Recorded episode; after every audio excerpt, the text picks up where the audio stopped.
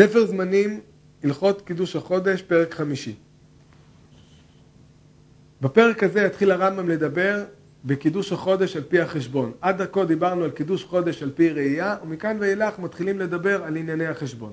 הלכה א', כל שאמרנו מקביעת ראש החודש על הראייה ועיבור השנה מפני הזמן ומפני הצורך, אין עושים אותו אלא סנהדרין שבארץ ישראל, או בית דין הסמוכים שבארץ ישראל, שנתנו להם הסנהדרין רשות. שכך נאמר למשה ואהרון, החודש הזה לכם ראש חודשים. ומפי השמועה למדו, איש מאיש ממשה רבנו, שכך הוא פירוש הדבר. עדות זאת תהיה מסורה לכם ולכל העומד אחריהן במקומן. אבל בזמן שאין שם סנהדרין בארץ ישראל, אין קובעים חודשים ואין מעברים שנים, אלא בחשבון זה שאנו מחשבים בו היום. אני מוסיף גם את הלכה ב', ודבר זה הלכה למשה מסיני הוא, שבזמן שיש סנהדרין קובעים על הראייה, ובזמן שאין שם סנהדרין קובעים על חשבון זה שאנו מחשבים בו היום. ואין נזקקים לראייה, אלא פעמים שיהיה יום שקובעים בו בחשבון זה הוא יום הראייה, או קודם לו ביום, או אחריו ביום. וזה שיהיה אחר הראייה ביום, פלא הוא, ובארצות שאין למערב ארץ ישראל. הרמב"ם לשיטתו שכבר הזכרנו, שישנם שני סוגי קביעת חודש על, ב, בלוח השנה. סוג אחד הוא קביעת חודש על פי ראייה, שהוא מתקיים בזמן שסנהדרין קיימת בארץ ישראל, והסוג השני הוא על פי חשבון בזמן שאין סנהדרין בארץ ישראל. החידוש הגדול של הרמב"ם הוא שמהתורה, ליתר דיוק הלכה למשה מסיני, שבזמן שיש סנהדרין יקבעו על פי ראייה, ובזמן שאין סנהדרין יקבעו על פי חשבון. הדבר הזה נתון למחלוקת ראשונים. הרמב"ן בהשגות שלו על הרמב"ם בספר המצוות תוקף את הרמב"ם ושואל מאיפה למד הרמב"ם שיש הלכה למשה מסיני כזו? לא ראינו לא זכר ולא שארית להלכה למשה מסיני כזו. אבל הרמב"ם למעשה לא חידש את הדבר, הדבר הוא מסורת של הגאונים, מופיע כבר בתשובת הוואי גאון, ויש גם לסמוך, על, לסמוך אותו בכמה ממדרשי חז"ל, שמהם ניתן לראות שישנה הלכה למשה מסיני, שבזמן שאין סנהדרין קובעים על פי חשבון, ובזמן שיש סנהדרין קובעים על פי הראייה. מסיני לא נמסר כל החשבון, חשוב לדעת שנמסרו עיקרי החשבון, ולכן חכמי ישראל במשך הדורות שכללו את הפרטים של ראייה, של קביעת הלוח על פי החשבון. כפי שאנחנו נראה בהמשך הדברים, בהמשך הפרקים, הקביעה על פי החשבון היא קביעה משוערת, היא בנויה על חישוב ממוצע, על חודש ממוצע, על זמן חודש ממוצע של 29 וחצי ימים. אבל כפי שאמר רבן גמליאל, פעמים בא בארוכה, פעמים בא בקצרה. החודש, זמנו של החודש הוא לא קבוע. הזמן של הקפת הירח הוא לא קבוע, הוא תלוי במיקום כדור הארץ במסלול שלו, ופעמים שהחודש הוא יותר מ-29 וחצי ימים, פעמים שהוא פחות מזה.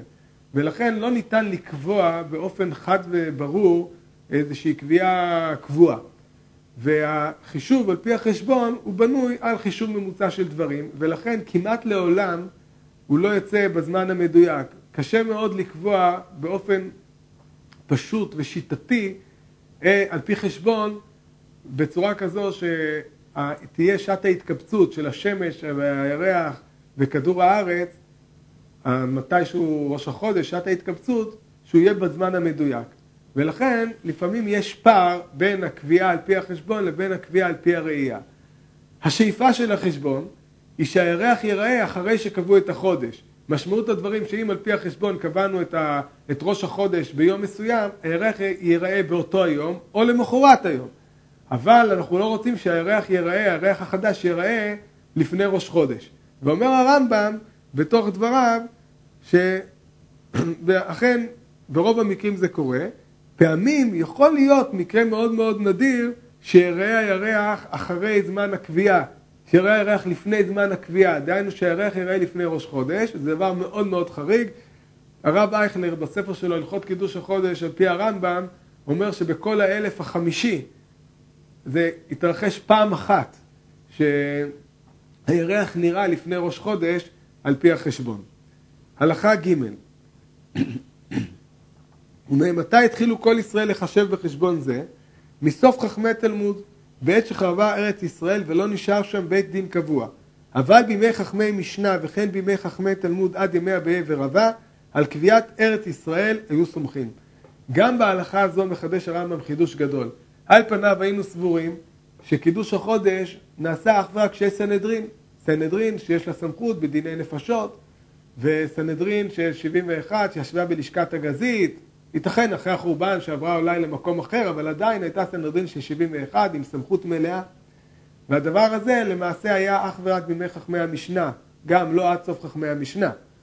מחדש לנו הרמב"ם, וגם כנגד הדבר הזה יוצא הרמב"ן בהשגות שלו ספר המצוות, שלמעשה עד כמעט סוף חכמי התלמוד עדיין היה סנהדרין בארץ ישראל. הסנהדרין הזו הייתה מוגבלת, לא היה לה סמכות בדיני נפשות, היו לה סמכויות מאוד מאוד מוגבלות, אבל לקידוש החודש ולעיבור השנה אנחנו לא צריכים סנהדרין עם, לא הסמכויות שלה, ולכן כל עוד היה בית דין גדול בארץ ישראל, ולשיטת הרמב"ם זה היה עד ימי אביי ורבא, נהגו בקידוש החודש על פי, החש... על פי הראייה ולא על פי החשבון, ורק משם ואילך, משהפסיקה בטלה הסנהדרין בארץ ישראל, התחילו אה, לנהוג בקידוש החודש ועיבור השנה על פי החשבונות, ונחזור עוד לעניין הזה בהלכה י"ג. הלכה ד' כשהייתה סנהדרין קיימת והן קובעים על הראייה, היו בני ארץ ישראל בכל המקומות שמגיעים אליהם שלוחי תשרי, עושים ימים טובים, יום אחד בלבד. ושאר המקומות הרחוקות שאין שלוחי תשרי מגיעים אליהן, היו עושים שני ימים מספק, לפי שלא היו יודעים יום שקבעו בו בני ארץ ישראל את החודש. כבר הזכרנו את זה בפרק הקודם, שהמנהג של שני ימים טובים או יום אחד היה תלוי במקומות אליהם הגיעו שלוחי תשרי בדווקא, כי שלוחי ניסן היה להם יומיים נוספים ללכת, דווקא שלוחי תשרי הם אלו שקבעו את התחום שבו היו נוהגים את המועדים יום אחד ולא יומיים. מאותו תחום ואילך נהגו ימים טובים לעולם שני ימים טובים, כי לא היו בטוחים אם הגיעו אליהם השלוחים או לא. הלכה A בזמן הזה, שאין שם סנהדרין ובית דין של ארץ ישראל קובעים על חשבון זה, היה מן הדין שיהיו בכל המקומות שעושים יום טוב אחד. אפילו המקומות הרחוקות שבחוץ על הארץ, כמו בני ארץ ישראל, שהכל על חשבון אחד סומכים וקובעים. אבל תקנת חכמים היא שיזהרו במנהג אבותיהם שבידיהם. כיוון שנוהגים בקידוש החודש ועיבור השנה על פי החשבון, את החשבון ניתן לדעת קדימה, ואפשר לדעת בוודאות מתי יהיה ראש השנה, מתי יום הכיפורים, מתי סוכות, מתי פסח, מתי שבועות, ולכאורה אין יותר צורך לנהוג שני ימים טובים, אבל רבותינו זכרונם לברכה קבעו שימשיכו לנהוג באותם מקומות שנהגו בזמן הקידוש על פי ראייה, נהגו שני ימים טובים, ימשיכו לנהוג גם בזמן שקובעים את החודש על פי חשבון, שני ימים טובים. ממשיך הרמב"ם ואומר הלכה ו', לפיכך, כל מקום שלא היו שלוחי תשרי מגיעים אליו כשהיו השלוחים יוצאים, יעשו שני ימים, ואפילו בזמן הזה, כמו שהיו עושים בזמן שבני ארץ ישראל קובעים על הראייה. ובני ארץ ישראל בזמן הזה עושים יום אחד כמנהגן. שמעולם לא עשו שני ימים. נמצא יום טוב שני שאנו עושים בגלויות בזמן הזה מדברי סופרים שתיקנו דבר זה. הקריטריון, הקריטריון הקובע הוא המקום שאליו היו מגיעים שלוחי תשרי ולכן בכל מקום שאליו היו מגיעים שלוחי תשרי נהגו בו יום אחד וימשיכו לנהוג ביום אחד. יתר המקומות שלא היו מגיעים אליהם שלוחי תשרי ינהגו שני ימים טובים גם בימינו עד ימינו אלו בחוץ לארץ נוהגים שני ימים טובים. הלכה ז', יום טוב של ראש השנה, בזמן שהיו קובעים על הראייה, היו רוב בני ארץ ישראל עושים אותו שני ימים טובים מספק, לפי שלא היו יודעים יום שקבעו בו בית דין את החודש, שאין השלוחים יוצאים ביום טוב. הלכה ח', ולא עוד, אלא אפילו בירושלים עצמה, שהוא מקום בית דין, פעמים רבות שהיו עושים יום טוב של ראש השנה שני ימים טובים, שאם לא באו עדים כל יום שלושים, נוהגים היו באותו היום שמצפים לעדים קודש ולמחר קודש. והואיל והיו עושים אותו שני עמים ואפילו בזמן הראייה, התקינו שיהיו עושים אפילו בני ארץ ישראל אותו תמיד שני ימים, בזמן הזה שקובעים על החשבון. הנה למדת שאפילו יום טוב שני של ראש השנה בזמן הזה מדברי סופרים. יום טוב של ראש השנה היה שונה משאר הימים הטובים. בגלל שיום טוב ראשון של ראש השנה, גם בארץ ישראל ואפילו כמו שמדגיש הרמב"ם בירושלים, לא תמיד היו נוהגים בו רק יום אחד. כי פעמים רבות לא היו יודעים באיזה יום בית דין קידשו את החודש, שהם קידשו את החודש, וגם לא היו יודעים האם הם יקדשו את החודש. ולכן, אפילו בירושלים, לעולם, ביום השלושים היו נוהגים קודש, פעמים שהיו מקדשים אותו, ואז ביום שלושים ואחד לא היו נוהגים קודש, ופעמים שלא היו מקדשים אותו, אבל אז אותו יום היו נוהגים קודש, וגם למחרת היום היו נוהגים קודש, כי חודש אלול למעשה היה מעובר. ולכן ראש השנה קבעו רבותינו זיכרונם לברכה על פי העיקרון שאמרו קודם שבכל מקום שבו היו עושים דבר שני עמים ימשיכו לנהוג בו שני עמים קבעו רבותינו זיכרונם לברכה שאת ראש השנה כל ישראל בכל מקומותיהם גם בירושלים ינהגו בו שני עמים טובים שהרי פעמים שגם בירושלים נהגו אותו שני ימים. ראש השנה יש בו אבל ייחוד גדול כפי שלמדנו בהלכות שביתת יום טוב שראש השנה השני הימים הללו נחשבים כקדושה אחת לשיטת הרמב"ם, הדבר נתון למחלוקת ראשונים, שיטת הרמב"ם בעקבות הריף. ורבותיו, ששני הימים הללו הם קדושה אחת, הם קדושה אחת, והסיבה היא בגלל שבזמן שהיו מקדשים על פי הראייה, היו הימים האלה קדושה אחת, כי הרי היו נוהגים את היום השלושים קודש, ואם לא היו, באו, לא היו באים עדים, אז את היום שלושים ואחד היו ממשיכים אותו כקודש, ושני הימים היו למעשה יחידה אחת של קודש, קדושה אחת, ולכן תיקנו שגם בימינו אלו ינהגו הימים האלה, שני הימים של ראש השנה, ינהגו כקדושה אחת, לשיטת הרמב"ם והריף ששני ימים טובים של ראש השנה הם קדושה אחת. הלכה ט' אין עשיית יום אחד תלויה בקריבת המקום. כיצד? אם יהיה מקום בינו ובין ירושלים מהלך חמישה ימים או פחות, שבוודאי אפשר שיגיעו להם שלוחים, אין אומרים שאנשי מקום זה עושים יום טוב יום אחד. שמי יאמר לנו שהיו השלוחים יוצאים למקום זה? שמא לא היו השלוחים יוצאים למקום זה מפני שלא היו שם ישראל, ואחר שחזרו לקבוע על החשבון ישבו שם ישראלים, שהם חייבים לעשות שני ימים, או מפני שהחירום בדרך, כדרך שהיה בין יהודה וגליל בימי חכמי המשנה, או מפני שהיו הגויים מונעים את השלוחים לעבור ביניהם.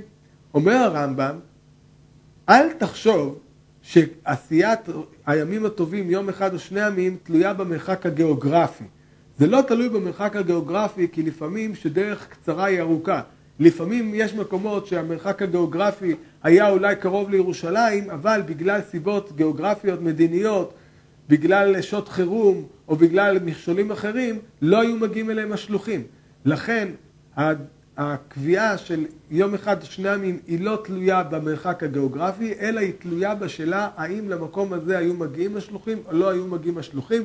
כפי שממשיך הרמב"ם ואומר בהלכה הבאה, ואילו היה הדבר תלוי בקריבת המקום, היו כל בני מצרים עושים יום אחד, שהרי אפשר שיגיעו אליהם שלוחי תשרי, שאין בין ירושלים ומצרים על דרך אשקלון, אלא מהלך שמונה ימים או פחות, וכאן רוב סוריה. על אמרת שאין הדבר תלוי בהיות המקום קרוב. מצרים וסוריה נוהגים שני ימים, למרות שמבחינת המרחק הגיאוגרפי הם קרובים לארץ ישראל. הסיבה היא שמצרים וסוריה, גם בזמן שהיו מקדשים על פי הראייה, בגלל סיבות מדיניות שהיו קשורות לממלכות אחרות, לא היו מגיעים אליהם השלוחים. ממשיך הרמב"ם ואומר בהלכה י"א, נמצא עיקר דבר זה על דרך זו כך הוא. כל מקום שיש בינו ובין ירושלים מהלך יתר על עשרה ימים גמורים, הכוונה היא למרחק הגיאוגרפי, עושים שני ימים לעולם כמנהגם מקודם, שאין שלוחי כל תשרי ותשרי מגיעים אלא למקום שבינו ובין ירושלים מהלך עשרה ימים או פחות. מקומות שהם רחוקים יותר מעשרה ימי הליכה מירושלים, לעולם נוהגים שני ימים, זה לא קשור אם היו מגיעים השלוחים או לא, כי לעולם לא היו מגיעים לשם השלוחים. וכל מקום שבינו ובין ירושלים מהלך עשרה ימים בשווה או פחות, שאפשר שיהיו שלוחים מגיעים אליו, רואים. אם אותו המקום מארץ ישראל שהיו בישראל בשעת הראייה בכיבוש שני, כגון אושה ושפרעם ולוד ויבנה ונוב וטבריה וכיוצא בהן, עושים יום אחד בלבד. ואם אותו המקום מסוריה, כגון צור ודמשק ואשקלון וכיוצא בהן, או מחוצה לארץ, כגון מצרים ועמון ומואב וכיוצא בהם, עושים כמנהג אבותיהם שבידיהם, אם יום אחד יום אחד, ואם שני ימים שני ימים. ממשיכים את מה שנהגו, את המנהג בימי זמן הראייה. המקומות הללו, כפי שאמרנו, למרות הקרבה הגיאוגרפית שלהם, ייתכן ולא היו מגיעים אליהם השלוחים. ולכן רואים, מקום שנהגו בו יום אחד, סימן שהיו מגיעים אליו תמיד השלוחים, ימשיכו לנהוג בו יום אחד. מקום שנהגו בו שני ימים, סימן שלא היו מגיעים, לא, בכל חודש השלוחים, ביום, בימים, במקום הזה ימשיכו לנהוג שני ימים. ממשיך הרמב"ם בהלכה י"ב, מקום שבינו ובין ירושלים עשרה או פחות מעשרה, והוא סוריה או חוצה לארץ, ואין להם מנהג, או שהיא עיר שנתחדשה במדבר ארץ ישראל, או מקום ששכנו בו ישראל עתה, עושים שני ימים כמנהג רוב העולם. וכל יום טוב שני מדברי סופרים, ואפילו יום טוב שני של ראש השנה, שהכל עושים אותו בזמן הזה.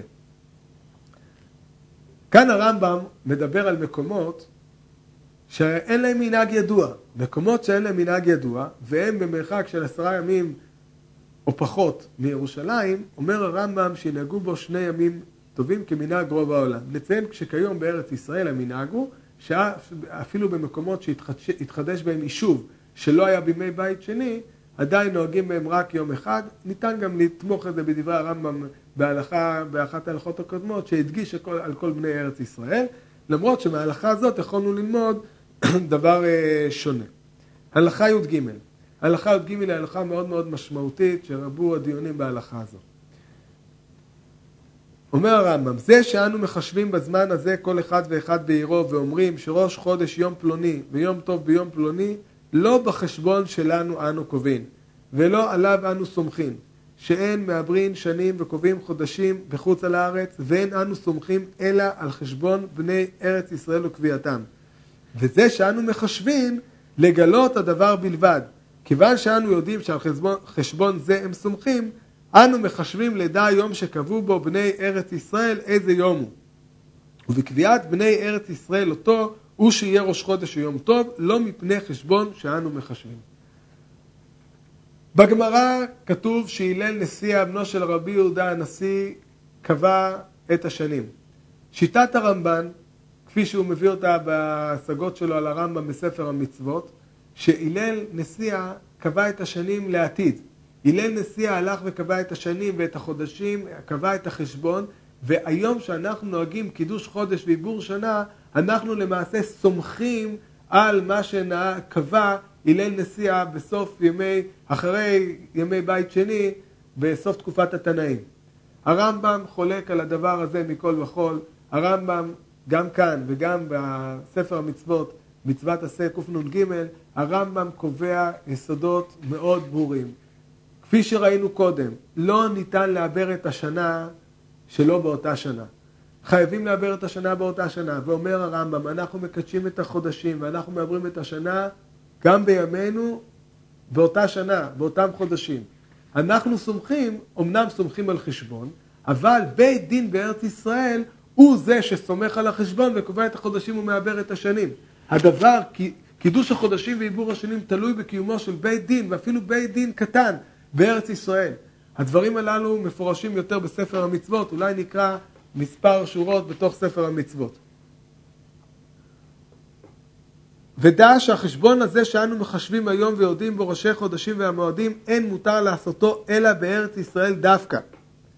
זולתי בשעת הדחק ובדרך חכמים מארץ ישראל, אז מותר לבית דין הסמוך בארץ ישראל לעבר שנים ולקבוע חודשים בחוץ לארץ.